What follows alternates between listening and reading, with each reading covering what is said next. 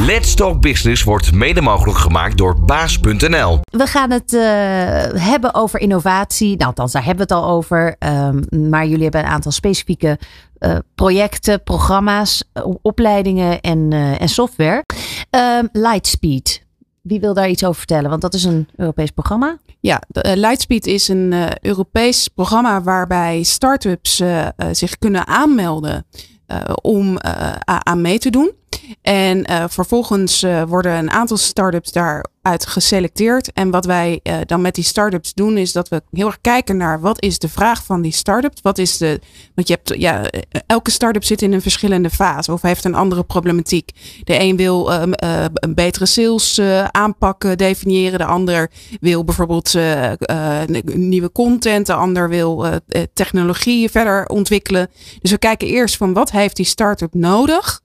En vervolgens gaan we dan een uh, programma daarop uh, samenstellen. En dat is echt een, uh, een, ook wel een uniek programma, want de meeste start-up programma's zijn heel erg, um, hoe zeg je dat, gestandaardiseerd. volgens een vast format. Mm -hmm. En nu kijken we ook bij dit, dat, zoals we met onze klanten dat doen, doen we dat ook met de start-ups. We kijken van wat is het probleem van die start-up, waar ligt zijn aandachtspunt. En vervolgens gaan we met, met, met hen aan de slag om dat uh, aan te pakken. En het ja. mooie is dat we dat op Europees niveau doen. Dus, uh, dus ook weer die co-creatie. Yes, ja, we ja. kunnen echt heel goed samenwerken met, uh, met de verschillende landen en de expertise inzetten die, we, die daarvoor nodig is. Dat kan soms echt op development zitten, of op productontwikkeling, content.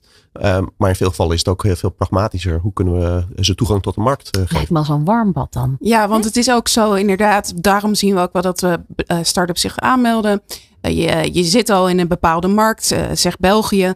En je wil uh, eigenlijk ook andere markten veroveren. En via dit Europese Lightspeed programma heb je de mogelijkheid om ja, toegang te krijgen tot dit net netwerk. Ja, ja. Mooi.